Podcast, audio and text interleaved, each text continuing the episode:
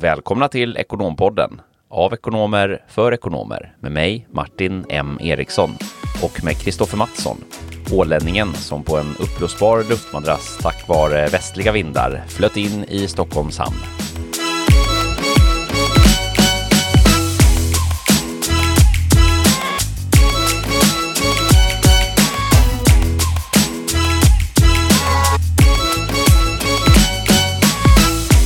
Härligt! Vi är i studion igen och det börjar bli, eller förhoppningsvis, vankas vår i Stockholm här. Ja, du ska väl eh, premiärtura lite här eh, med lite golf över Kristi himmelfärdshelgen. Jajamän, eller det blir faktiskt ingen premiär utan jag har avklarat premiären redan men det blir en längre session ner till Skåne då och testa på golfen och, och de friska vindarna där nere. Det blir väldigt, väldigt spännande. Ja, så var det. Du har ju, det har du faktiskt sagt när jag tänker efter. Ja, jag är inte så golfig. Jag äger ju som sagt inte ens en rostig golfklubba så att... Nej, men du har smakat på friska vindar ändå. Du var ute på båt, båttur. Var det premiärbåtturen här i lördags va? Jajamän, det var det. Vi eh, stack ut till Sandhamn här eh, en dag eh, och eh, ja, brände ut och sov över och brände hem igen så att det var härligt. På vägen hem hade vi helt, helt stilla princip spegelblankt hav så att eh, vi, vi eh, det var en riktigt, riktigt härlig tur. Ja, det låter ju magiskt. Var det eh, uppumpade båtfester i hamnen eller var det lite mer av en hälsoresa eller? Jag skulle säga mer av en hälsoresa faktiskt. Och hälsoresa eh, definieras ju som eh, ja, men, eh, lugn och skön, lång lunch, bastu, bad varvat med, med kallbad eh, gång efter gång. Eh, och sen bara riktigt, riktigt härlig skön avkoppling så att det här var riktigt magiskt. Ja, lite björkriskrig också brukar man ju ha i Finland och på Åland Ja, vi skippade björkriset men jag tänkte faktiskt på dig där. Mm. Härligt. Du och ditt björkris. Ja, exakt. Eh, sen har vi lite andra spännande grejer på gång också. Här i eh, dag faktiskt så ska vi eh, hålla en inspirationsföreläsning för, för ekonom och system och mediekommunikationsstudenter tror jag på mm, Uppsala universitet på deras evenemang Kontaktstarten som är en, eh, ja jag tror att det är eh, en, en, en, den digitala versionen av kontaktdagarna egentligen. Så det blir väldigt, väldigt spännande och hoppas att många kommer och, och lyssnar på det. Det är ju alltid kul så här med man ser de här studenterna som är liksom på väg ut i karriären och har en massa ambitioner och idéer och, och så vidare. Så att, äh, men det är alltid roligt att få dela, dela sin kunskap och äh, erfarenheter så att de kan dra nytta av det också. Precis. Vi har ehm. faktiskt en grej till som vi skulle borde redogöra för också. Det har kommit in lite frågetecken här efter eh, föregående avsnitt från våra lyssnare som blev lite förbryllade här över det här debet och kredit som vi diskuterade och Martin, du hade väl en ganska, eh, en, en liten teori om vad det var som ökade i vad. Du kanske skulle kunna förklara för lyssnarna här eh, hur det riktigt ligger till. ja, Mina precis. gamla revisorskompisar var ganska upprörda också, vet inte jag hade sagt till, men, men nu, nu reder vi ut det här en gång för alla. Tillgångar ökar i debet och eh, skulder ökar i kredit. Exakt. Väldigt enkelt. Och hur var det med intäkter och kostnader? Ja, intäkter då ökar i kredit och eh, kostnader ökar i debit. Perfekt! Nu har vi redan det en gång för alla. Bra. Eh, nej men och vi kan väl, eh, jag tänkte jag kan väl presentera dagens ämne också. Vi, vi kommer eh, under nästa vecka faktiskt att prata eh, lite revision igen, men nu kommer vi gå vidare till ett annat väldigt, väldigt mycket, väldigt, väldigt mycket att säga, väldigt intressant och spännande ämne som ligger dig ganska varmt om hjärtat Martin och vi kommer diskutera självledarskap idag och ett introduktionsavsnitt till det. Mm, precis. Det här är väldigt ehm, för stunden kan vi väl säga aktuella ämnet med tanke på eh, vad som har skett sista dryga året eh, i och med distansarbetets intåg för många. Och just då den här nya världen när man hamnar i där man inte har det här day to day på samma sätt kanske som tidigare. Den närheten som man tidigare hade på ett enklare sätt eh, i ledarskapet och mellanmänskliga relationer har bytts ut mot, mot digitala skärmar och det är lite mer utmanande också utifrån ett ledarskapsperspektiv att leda, vilket ju då eh, faktiskt ju ökar den enskilda individens kanske både behov och egenintresse i, i att eh, bli duktig på att leda sig själv. Verkligen, och vi var ju lite inne på de här bitarna redan under vårt eh, tidigt där där vi pratade om distansarbete och, och stress och produktivitet i hemmet och sådär och även framgångsrika beteenden och vad, vad man kan tänka på som ekonom så är det ju verkligen eh, nu hög tid om någon gång att tänka och reflektera över de här bitarna, hur man kan leda sig själv och, och bli en bättre version av sig själv och precis som du är inne på så ökar det ju verkligen eh, behovet av det när man tappar liksom day to day vid kaffeapparaten och, och, och sådär. Och jag som ju har stort, stort behov av att träffa människor och sådär hade du ju ganska motigt stund, stundvis under förra året och det har ju varit en ganska bra stöttning faktiskt till, till mig i de här frågorna hur man kan tänka och självledarskap, jag undrar om jag ens har reflekterat över vad det var innan vi träffades. Så det, det får jag tacka för.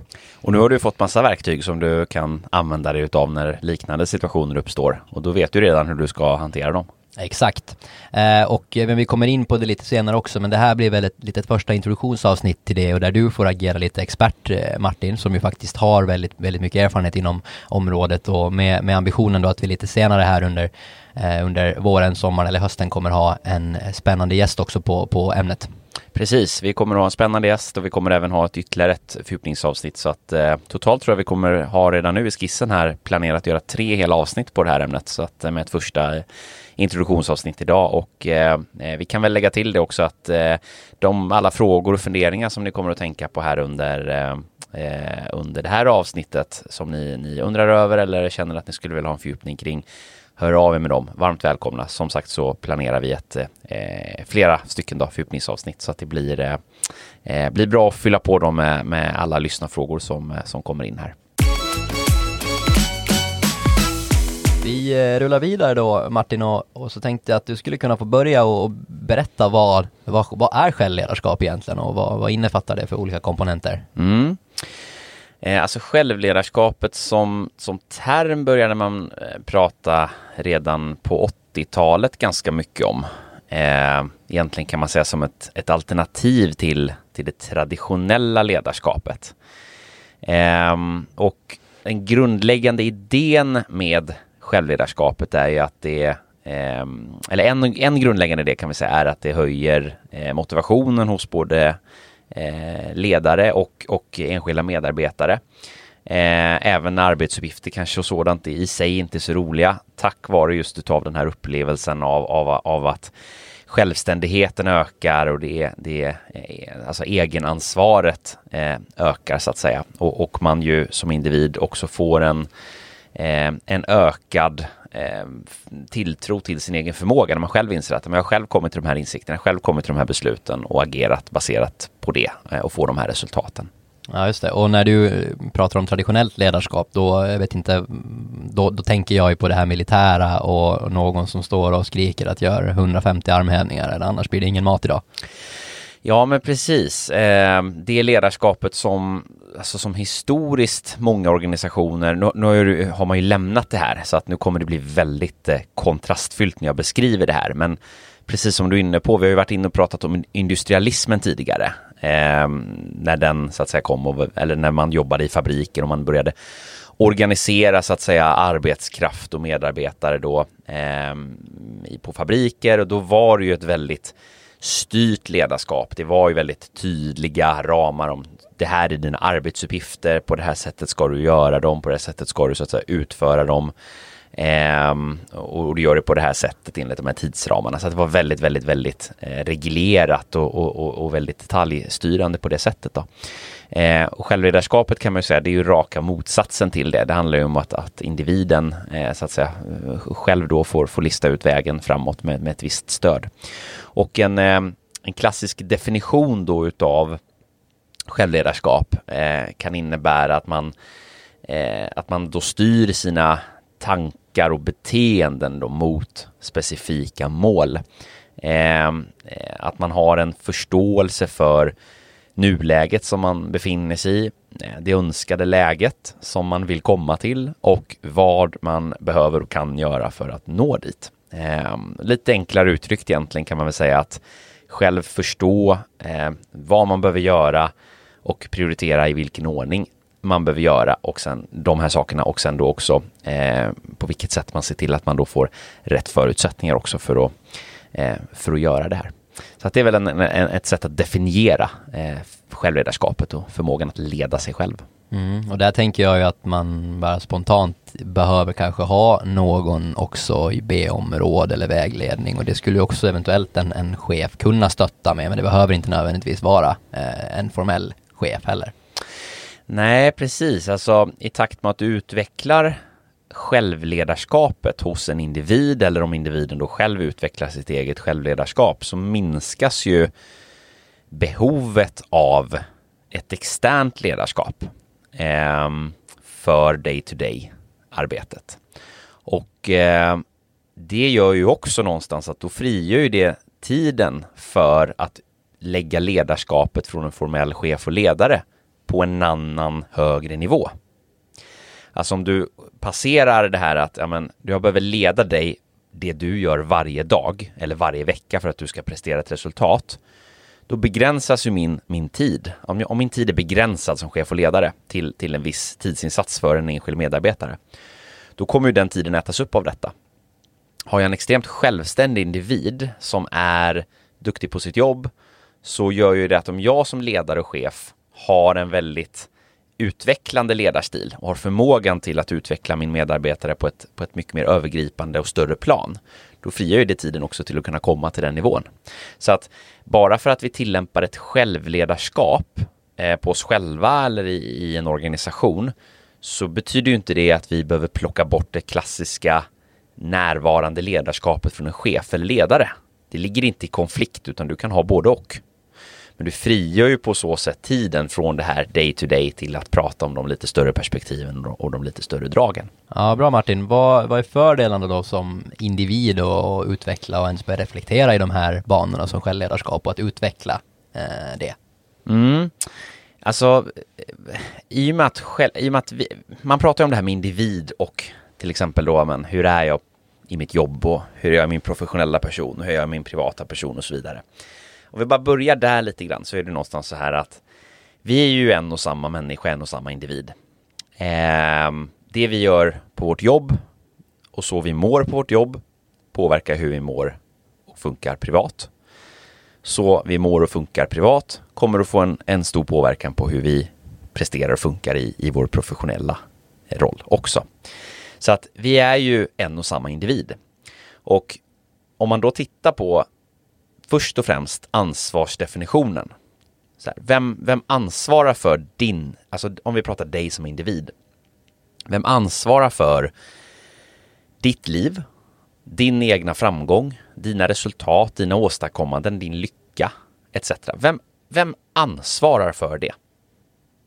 Då tror jag att när man har kommit en viss bit i självreflektion så inser man att ja, men det är ingen annan än jag själv som ansvarar för det här. Jag har ett eget ansvar, jag kan aldrig beskylla någon annan för någonting. Utan jag har alltid ett eget val och ett eget ansvar.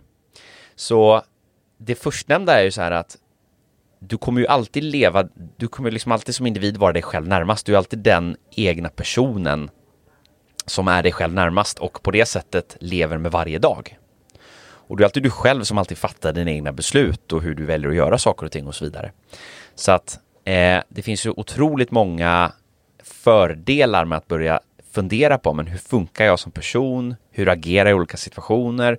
Och så vidare i, i hela ens tillvaro. Då spelar det liksom ingen roll om jag är på jobbet eller om jag är så att säga privat. Ja, det låter ju, det låter ju minst sagt eh, intressant det där och jag, jag läste någonstans här att man har omkring 65 000 till 90 000 tankar per dag och ungefär 90 procent av de här tankarna så tänkte man även på igår och många av de här också är relaterade till ja, men, rutiner som att eh, stiga upp ur sängen och borsta tänderna och, och skjutsa barn till lekis eller till förskola och, och sådär. Så det är ju, det är ju, man kan ju, man, man, man, förstår ju då att det är klart att som jag är privat och som jag är på jobbet, det är ju någonstans samma person. Om jag är väldigt stressad privat så kommer det ju även att påverka mig i mitt arbete. Mm, precis. Och när, när, du, när du blir en eller är en, en självledare i dess, i dess rätta bemärkelse, då blir du också medveten om dina egna liksom, eh, reaktioner på saker och ting, eh, dina tankar, hur när olika känslor uppstår, varför de uppstår och hur du ska förhålla dig till dem, förstå dina drivkrafter i olika saker och ting och, och du har ju en, en, en, en, ett intresse av att, så att säga, utveckla den här medvetenheten om det här. Och du är också medveten om hur du påverkar andra och hur du påverkas av andra. Och, och har ju också liksom en, någonstans en, en tillit till din egen förmåga att orientera dig i, i allt det här. Och eh, återigen, om vi går tillbaks till det här då med självledarskapet kontra ledarskapet mot andra personer då, om man ska prata organisatoriskt, så utesluter ju inte det ena det andra, utan även om du har en, en extremt duktig ledare som talar om hur du ska utföra ditt arbete på, på arbetet, så är det fortfarande du själv som måste ta aktivt besluten och skrida till handlingen. Så du kommer ju alltid i någon mening du är ju alltid chef över dina egna handlingar. Det finns aldrig en annan person som kan styra dina handlingar och dina ageranden.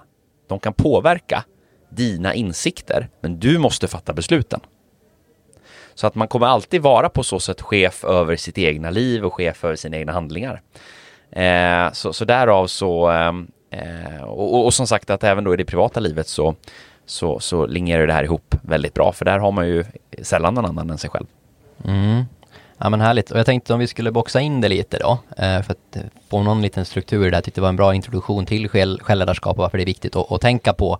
Eh, om man skulle försöka då lägga liksom två motpoler, att ja, men organisationen eller ledaren, eh, hur ska man kunna liksom verka för ett ökat självledarskap, kanske de personer som man ska leda, kontra då vad man som individ kan tänka på.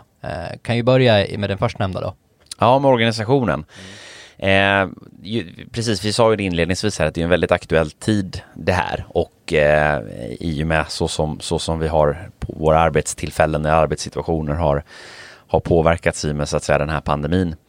Eh, så om vi tittar lite grann på organisationens förutsättningar för att börja tillämpa eh, självledarskap så eh, eh, blir ju egentligen eh, en, en viktig och central först och främst då nyckel i det hela är ju att man behöver säkerställa att man har kommunicerat och kommunicerar eh, the big picture, alltså liksom målbild, vision, få säkerställa att alla medarbetare i organisationen är medvetna om vart man ska, eh, vilka mål man gör, man har, eh, vilka värderingar man jobbar efter och så vidare. Eh, för att på så sätt kunna ta de här day to day besluten på egen hand på ett bättre sätt själva. Eh, och, och, medarbetarna då behöver också då få de här förutsättningarna så att säga att ta ett större ansvar och faktiskt börja kunna leda sig själva och, och, och kanske få utrymme och verktyg också för att utveckla den här, eh, den här förmågan. Mm, det där, och det låter ju kanske lite enklare än vad man tror också, att, att ha tydliga mål och värderingar vart man ska nå. Det där är väl också någonting som jag inbillar mig att det är ganska viktigt för att det här ska fungera är ju att målen man sätter upp någonstans linjerar med vad man vill och vad man, vad man själv tror på och vad man vill åstadkomma. För om någon annan sätter upp de målen kanske det inte är lika motiverande. Jag tänker bara till mig själv när jag skulle sluta snusa till exempel. Jag snusade mm. ju fem år här. Om någon annan hade legat på mig och sagt att men nu ska du nog sluta snusa så, så tror inte jag att det hade gett samma eh, liksom kontra om jag själv bestämmer mig för whatever reason att nu, nu, nu, ska jag göra det här och nu gör jag de här olika aktiviteterna för att nå dit. Nej men precis, så är det ju verkligen. Eh, ska du uppnå kanske stadigvarande förändring och, och, riktigt kraftfulla resultat så måste du komma från individerna själva.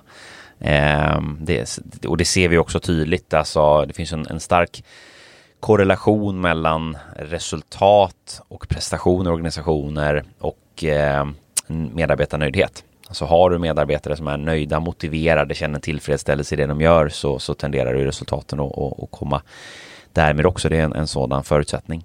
Men om man ska titta på tillbaka till organisationens perspektiv där så, så är det ju så att eh, innan man börjar prata om självledarskap så behöver faktiskt cheferna i organisationerna först och främst själva börja fundera på sin egen chefsroll och hur hur ens egna ledarskap ser ut. Man behöver ju börja skapa en ny alltså, verksamhetskultur eller företagsmiljö liksom, där man faktiskt tar hänsyn till eh, till det här självledarskapet. Alltså allt ifrån till exempel hur du delegerar makt och ansvar på ett nytt sätt. Eh, därför att det kanske inte finns samma förutsättningar som tidigare att, att, eh, att vara närvarande eh, som liksom hela, hela tiden så att säga. Eh, och, och, och, och, också då att ska du delegera ut en förväntansbild av ett självledarskap så måste du ett, dels ge individerna de rätta förutsättningarna att, att liksom utveckla de här förmågorna hos sig själva. Man måste börja prata om de här sakerna och belysa de här sakerna och ge redskapen och resurserna för det. Och två, man måste säkerställa att alla vet vart de ska så att man i, i det här självledarskapet också kan fatta de rätta besluten. För beslutsfattande är en stor del av det. Ja, jag tänker också det här som vi babblar på om tekniska, eh, tekniska utvecklingen och också ge då förutsättningar för alla i teamet att utforska själva och liksom en vilja och ett driv att lära sig och bli mer digital till exempel. Att de här verktygen jobbar vi med, men vad, vad, vad kan det här leda till för, för mer värde och så vidare. Precis, så, så det är det, det, återigen, det, det, liksom, det ligger inte i konflikt med varandra här utan det, det är ju klassiskt ledar, ledarskap och självledarskap. Det, Eh, det, det, det, liksom, det linjerar ju med varandra men att man ändå då behöver förstå någonstans att det, det är ju att ta det till nästa nivå när man liksom vill, vill lyfta alla medarbetarnas egna förmågor till, till att kunna leda sig själva och fatta besluten. Mm, spännande. Och individens egna självledarskap då om vi går vidare? Ja, precis. Eh, tillbaks till individen här, vilket ju det här faktiskt handlar om då, som vi, vi ska fokusera på lite, lite extra här. Eh, alltså du kan ju alltid börja, om man tittar på det här med, med då att, att le, förmågan att leda sig själv, så kan man ju börja med kanske att konstatera att du har ju ett egenintresse i att nå en viss framgång, ett visst resultat. Så man hör ju ibland så här att ja, men jag, jag väljer att inte göra det här eller jag skiter i det där för jag, jag, det är så otydligt ledarskap så jag låter bli. Till exempel.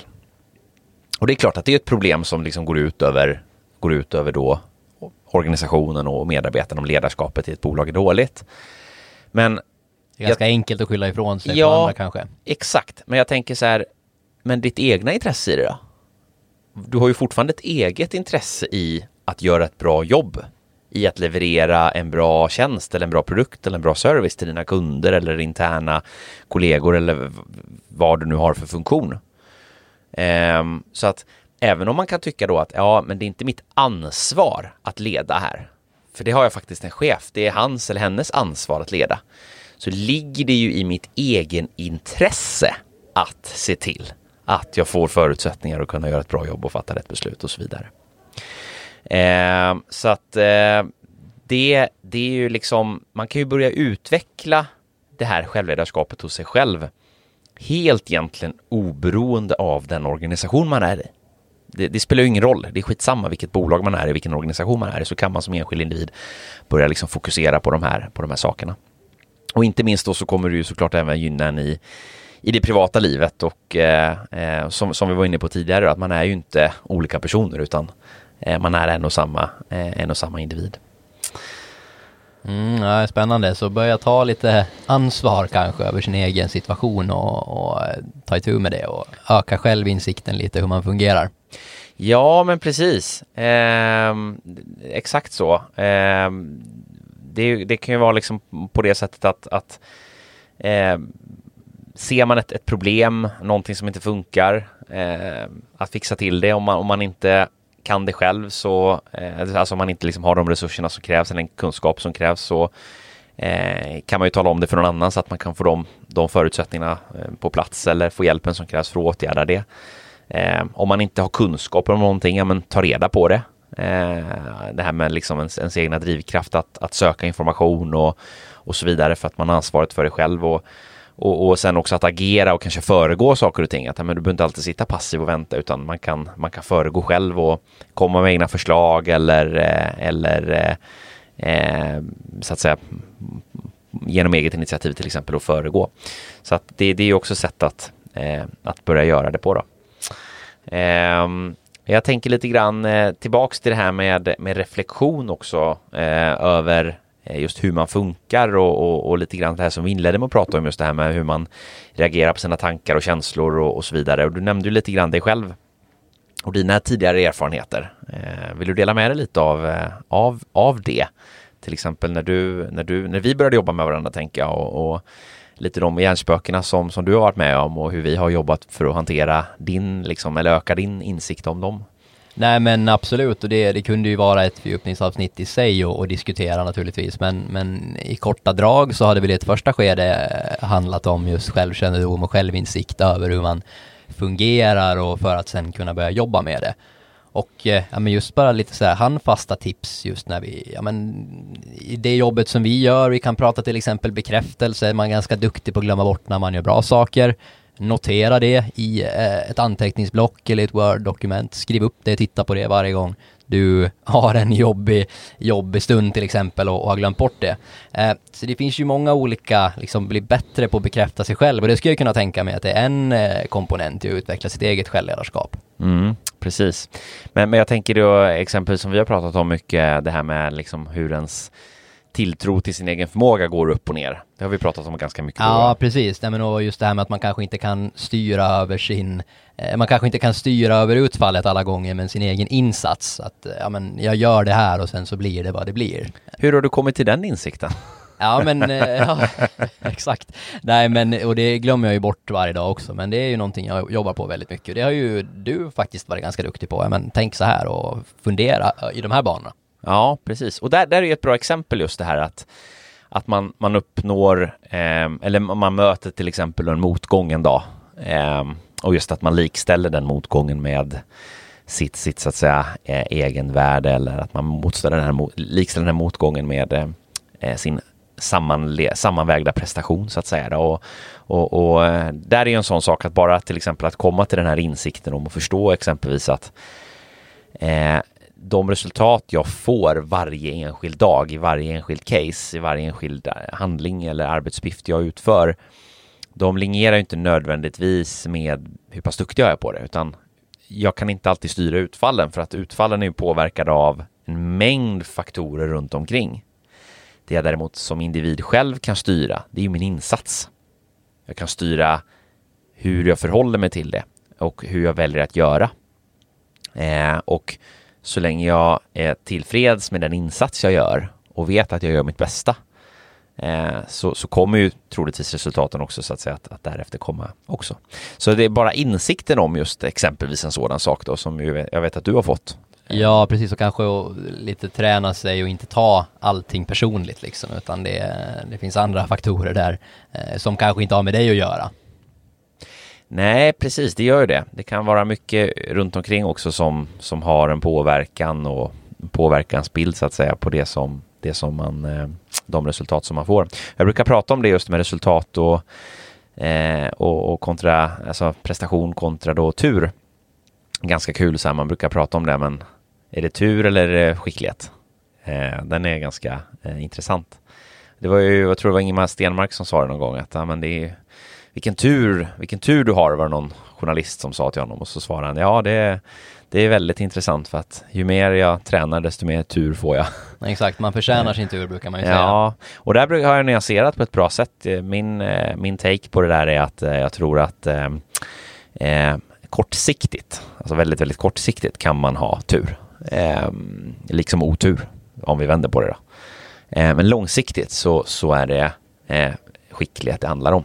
Eh, för att det blir en ackumulerad tur eller otur så att säga och då, då kanske det inte är tur eller otur längre utan då kanske det faktiskt har med skicklighet att göra. Så att eh, det, det, kan ju vara en sån skiljelinje också.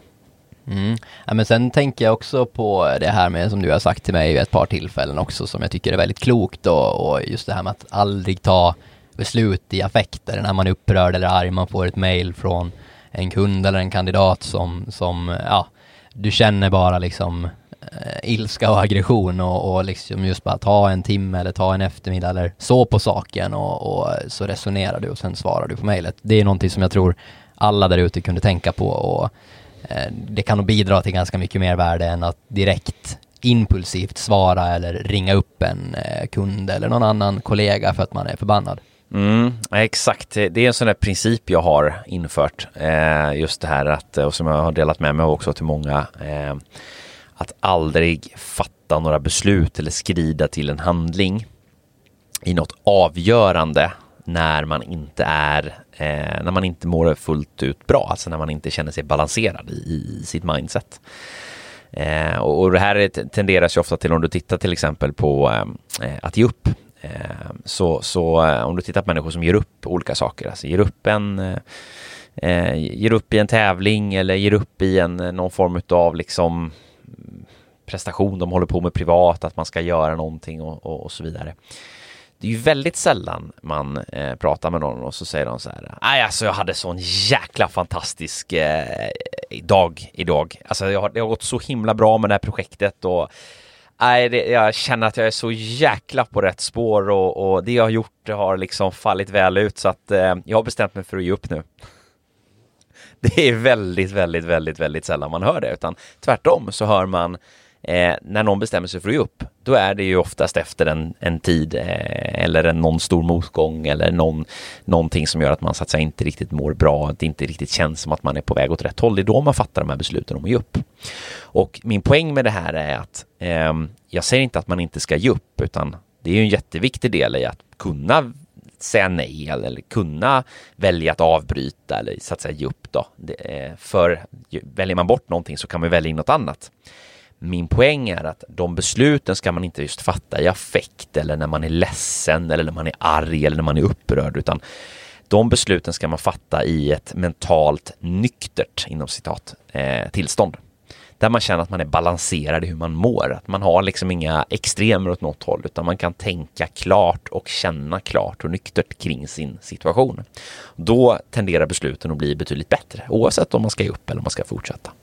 Mm. Ja, men det, det är ju toppen. Och jag tänker också då, hur, liksom, vi har ju gått igenom lite vad man kan tänka på. Hur kan man utveckla det här och bli bättre på det? Det här är ju ett av de eh, många tipsen och, och även skulle vi vilja eh, lägga en länkare över vårt tidigare avsnitt här där vi diskuterar framgångsrika beteenden och karaktärsdrag hos, hos en ekonom. Just det här behovet av självkännedom och självinsikt, att när man förstår hur man själv fungerar och varför så kan man få ett grepp om, om det och börja jobba därifrån. Ja, exakt, för det är ju det det börjar med självledarskapet, alltså för att du ska få förmågan till att, att leda dig själv, det vill säga att fatta och exekvera på beslut. Fatta beslut och exekvera på beslut. Så, så behöver du ju fatta och exekvera rätt beslut. Eh, och, och, för att göra det, för att veta vilka beslut som är de rätta, så, så krävs det ju en, en självinsikt och liksom en förståelse och självkännedom. Så att eh, nyckeln till just ett, ett, ett, att börja liksom få ett framgångsrikt självledarskap är ju någonstans där att börja bli medveten om, men hur funkar egentligen jag? Alltså, varför reagerar jag på ett visst sätt i en viss situation? Och, eh, och, och de här exemplen som vi precis drog, exempelvis då om att ja, men fatta inga beslut när du inte mår bra.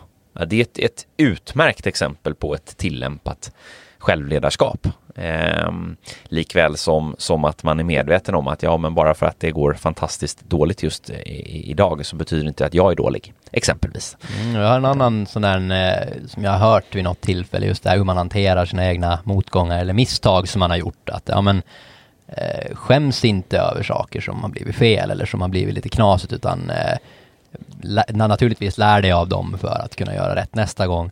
Men även liksom sådär som jag brukar försöka jobba med och göra om till kanske en rolig historia eller någonting. Jag menar när jag var eh, liten, liten, liten kid och spelade fotboll, kom från en fotbollsträning så stal jag ett Kinderägg efter träningen och la det innanför, innanför min, min jacka och blev tagen på bar gärning i dörren på väg ut från kiosken.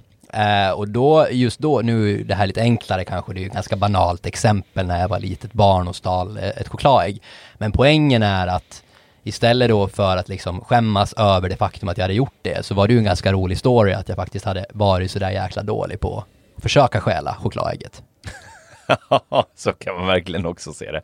Ja, men det är, nej men exakt, och, och, och som i det där fallet. Så liksom att, att normalisera att ja. vi alla gör fel på ett eller annat sätt och det är ingen fara liksom. Nej, exakt, och det, det är en annan sådan insikt som också, som också är viktig för, för just ett, ett självledarskap, just att förstå det här att ja, men du kommer att göra fel eller det kommer att bli fel och, och, och just hur, hur, hur, hur drar jag nytta av dem och hur lär jag mig någonting av dem för att komma vidare. Exakt, och ytterligare då som hör till den här roliga historien när jag berättade nu att vi även skulle då med, med skolklassen och köpa en glass eh, några veckor senare. Då var jag så jäkla rädd för den här kioskgubben så jag vågade knappt gå in eh, och köpa min glass utan en kompis fick göra det till mig istället. med all rätt hörru. Verkligen. Eh, ja, eh, och eh, man kan också eh, reflektera, apropå det här just reflektera, du nämnde det här och det, vi kan verkligen slå ett slag för det här ehm, eh, avsnittet framgångsrika beteenden och karaktärsdrag hos en ekonom. Lyssna på det. Eh, där, har, vi, har vi ju alla en först och främst en bra introduktion till hur man funkar i, alltså, där pratar vi i det avsnittet om, om, olika typer av beteendedrag och extremen av olika beteendedrag. Eh, jäkligt kul att liksom förstå, få ett grepp om hur man funkar och varför och så vidare. Så, så börjar den ändan. Eh, eh, sen det här med, med eh, eh, om man ska prata om självledarskap i en, i en viss miljö eller på en arbetsplats till exempel då, eller i ett familjeliv eller vad det än må vara så eh, är ju också ett bra tips för att utveckla självledarskapet. Det är ju att, att börja enas lite grann om, om ja, kanske målbilder eller förväntansbilder. Det behöver inte alltid ha med mål att göra utan det kan ha med förväntan att göra. Eh, alltså att man, att man till exempel då inom ramen för en relation, yrkesmässig relation eller eh, eh privat relation, men definiera lite grann, men vad har vi för förväntan på den här relationen eller vad har vi för förväntan på den här, den, de här arbets, ditt, ditt, ansvar så att säga på jobbet som du ska jobba med. Och, och när man börjar definiera de här förväntansbilderna någonstans, då kan man också börja få insikter om, ja men okej, okay, men om du har den här förväntan på mig och jag har den här förväntan på den, vi har den här förväntan på varandra, då, då, då föds ju eh, då föds insikten om men vad krävs kanske för att leverera enligt det här och vad krävs för att uppnå det här.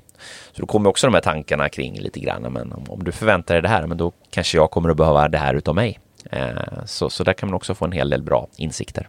Mm, det där tror jag är ganska viktigt och eh, här kanske du har någon take på det också, men jag har ju alltid funderat på det här, hur ska man kunna öka arbetsglädjen i de allra tråkigaste arbetsmomenten? Menar, det har vi alla eh, dagligen liksom att man kanske känner att de här arbetsuppgifterna är lite mer monotona och lite tråkigare och, och sådär och någonstans hitta essensen i varför, varför behöver jag göra de här? För det, det, det, det, det fyller ändå ett syfte eller det skapar ett värde, det finns en mening, det finns en nytta med att göra dem. Det skulle ju kunna vara ett sätt att, att kunna jobba med eller ändå hitta liksom eh, motivation eh, och mening med att jobba med de allra tråkigaste sakerna.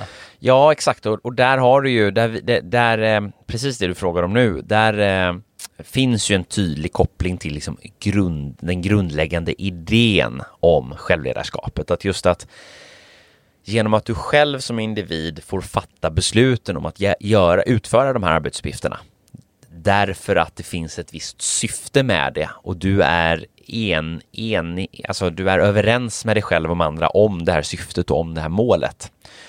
Då upplever du att du själv som har fattat besluten om det, att du behöver utföra det här för att nå ett visst mål. Så att, så att där är någonstans att förstå det bakomliggande syftet med det. Ja, men varför? Och, och sen kan man ju faktiskt lite krasst titta på vissa arbetsuppgifter som är tråkiga, men varför gör vi egentligen de här? Behöver vi ens göra de här? Alltså det, det, det är ju en, det är en annan diskussion. Men om vi utgår ifrån att de behöver utföras så, så handlar det om att förstå bakomliggande varför. Och att man ställer upp på det här varför. Jag menar, och gör man inte det, men då kanske man eh, ska fundera på om man är på rätt ställe. Mm. Och eh, en tanke som slår mig nu också, jag tänker i de här digitala tiderna också kanske det skulle kunna vara ganska viktigt att stycka upp det i lite mindre delmål eventuellt. Att jag menar för somliga kanske det kan vara jobbigt bara att klara av en arbetsdag med ovissheten att, att ja, eh, kommer, kommer jag kunna driva min business vidare? Vad händer i höst? Eh, när får jag vaccin? Eller vad det nu än skulle kunna tänkas vara. Eh, och hitta en motivation i day to day på egen hand i vardagsrummet hemma. Ja, exakt. Och, och, och det här du är inne på nu, det är ju, det är ju så bra. Du sätter liksom pricken över it här på vad det här handlar om. För att självledarskap är ju inte ett, ett enhetligt recept på att gör si och gör så utan vad det återigen tillbaks till vad vi startade idag så handlar det ju det här om att bli medveten om hur man själv funkar för att på så sätt få förutsättningar att själv fatta bättre beslut och utföra de besluten och att man känner dessutom att det är jag själv som har fattat de här besluten och jag vet varför jag har fattat de här besluten. Och på så sätt så uppnår man en ökad motivation. Och, och tillbaks till dig själv här då, det här exemplet som du precis beskriver nu, eller inte till dig själv utan till exemplet du beskriver nu, så, så är ju just det att ja men bara insikten om att ja, men det finns till exempel en osäkerhetsfaktor. Ja, men jag mår inte bra av den. Bra, hur ska jag då hantera den? Hur ska jag stycka upp den här på olika sätt och, och börja liksom få kontroll över den om det, om det nu är rätt väg att gå? Eh, eller ska jag kanske bara träna mig på att leva i ovissheten eh, och, och, börja bli van vid den kontexten för att det kanske är en ovisshet det är. Där finns inget standardrecept och det är inte ett standardrecept jag är ute efter att förmedla idag för det går inte utan vad vi är ute efter i det här på den här nivån det är liksom att förstå att idén bygger på att du blir medveten om hur det funkar börja reflektera över det och baserat på det kan börja tillämpa principer och förhållningssätt och tillvägagångssätt som är anpassade utifrån din egna person. Mm, och att målen kanske behöver vara Alltså att du har ett intresse i dem själv, kanske varit delaktig och lägga upp dem och tror på dem och vill nå dit. Om vi bara för att återanknyta lite snabbt ja. till mitt eh, snusäventyr så hade det ju aldrig gått om jag inte själv hade be bestämt mig och lagt upp en plan för hur jag ska gå tillväga. Nej, exakt. Man behöver ju ha koll på sitt varför och varför man, varför man gör saker och ting, definitivt.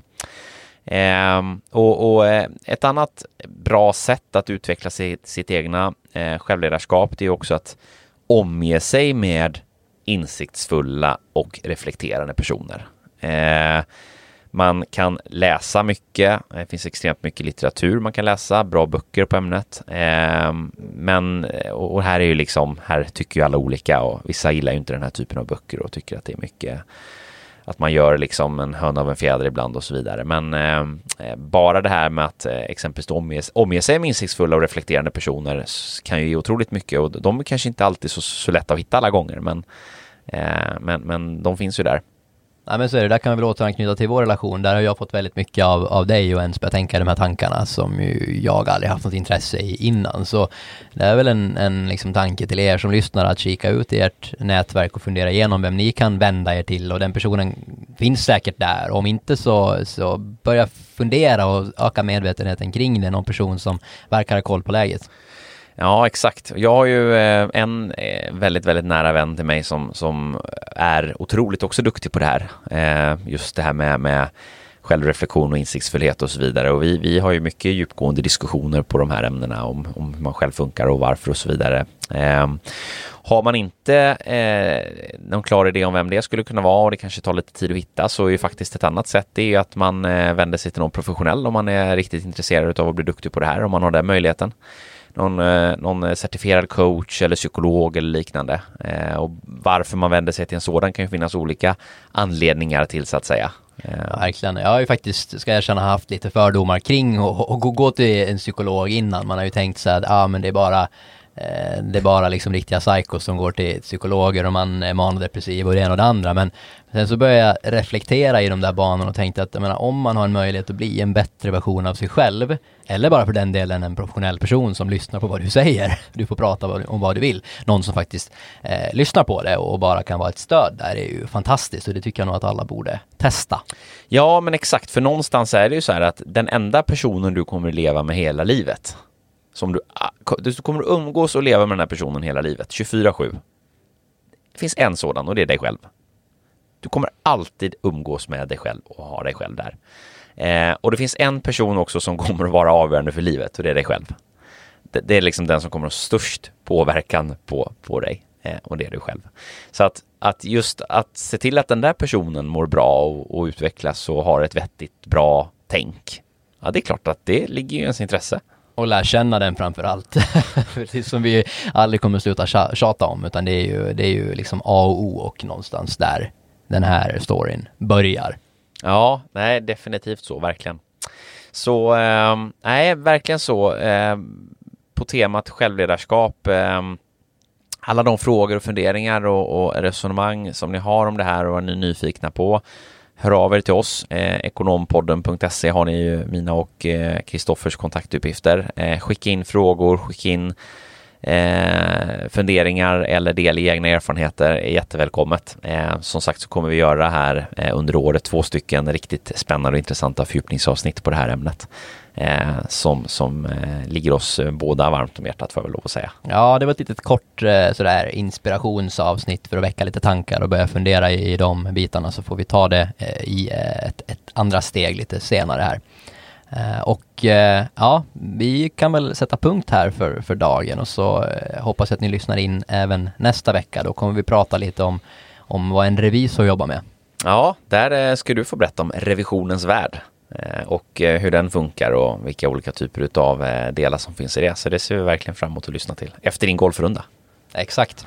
Eh, men ha en riktigt härlig vecka här så, så hörs vi på återhörande. Ta hand om er och eh, kom ihåg att eh, du har alla möjligheter att göra precis som du vill. Det är alltid dina egna beslut. Därav vikten till ett vettigt och bra självledarskap. Det ligger i allas egna intresse. Tack och hej! Hej!